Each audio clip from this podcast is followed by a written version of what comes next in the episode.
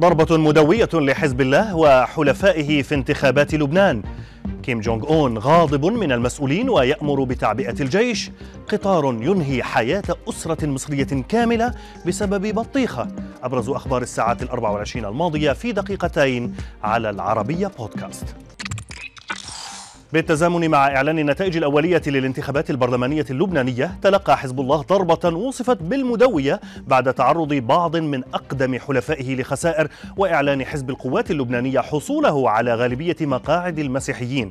رئيس الجهاز الانتخابي لحزب التيار الوطني الحر قال لوكالة رويترز إن الحزب المتحالف مع حزب الله حصل على ما يصل إلى 16 مقعدا ليخسر بذلك عدة مقاعد عن الانتخابات السابقة.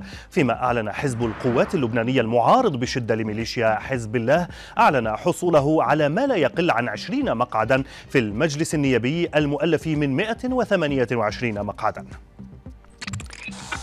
وبخ الزعيم الكوري الشمالي كيم جونغ اون المسؤولين في بلاده بسبب نهجهم في التصدي لجائحة كورونا داعيا الجيش للتدخل لحل مشكلات تتعلق باحتياطي الأدوية في بيونغ يانغ وخلال اجتماع طارئ للمكتب السياسي لحزب العمال الحاكم قال كيم إن الأوامر لم تنفذ بشكل صحيح حتى الآن وأن الأدوية لم يجري توفيرها بالشكل اللازم للصيدليات مشيرا إلى أن الصيدليات لم تلتزم بأمر فتح أبوابها لأربع 24 ساعة وسط معلومات تفيد بأن الوباء أودى بحياة 50 شخصا منذ إعلان ظهوره رسميا في كوريا الشمالية.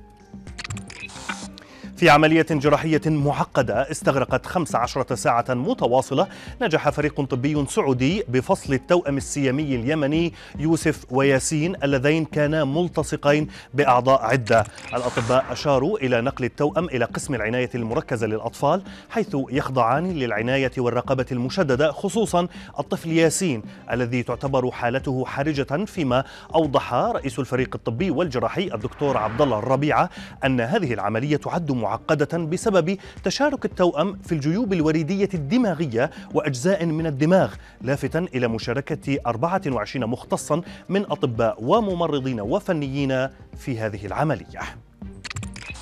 بعد توقفها لأيام قليلة عادت العواصف الترابية لتضرب غالبية المناطق العراقية وسط تسجيل حالات اختناق بالمئات وحوادث سير عدة. صور ومقاطع فيديو متداولة أظهرت أن طبقات الرمال الصفراء غطت المباني والسيارات المركونة في الشوارع فيما حجبت سحب الغبار السميكة الرؤية لمجرد الرؤية المجردة لبضعة أمتار قليلة. إلى جانب ذلك أعلنت السلطات إغلاق كل مدارس البلاد وتأجيل الامتحانات وتعطيل الإدارات العامة بينما أعلن مطار بغداد في وقت لاحق عودة الملاحة إلى طبيعتها بعد تعطلها لساعات.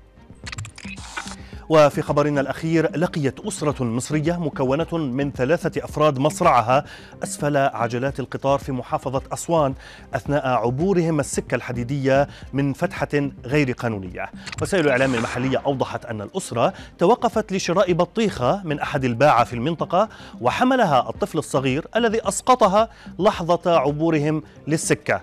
بالتزامن مع قدوم قطار أسوان مشيرة إلى أن الأب والأم هرعا لإنقاذ طفليهما فدهسهم القطار جميعا ليلقوا مصرعهم معا في مشهد مأساوي أثار حزنا واسعا في البلاد.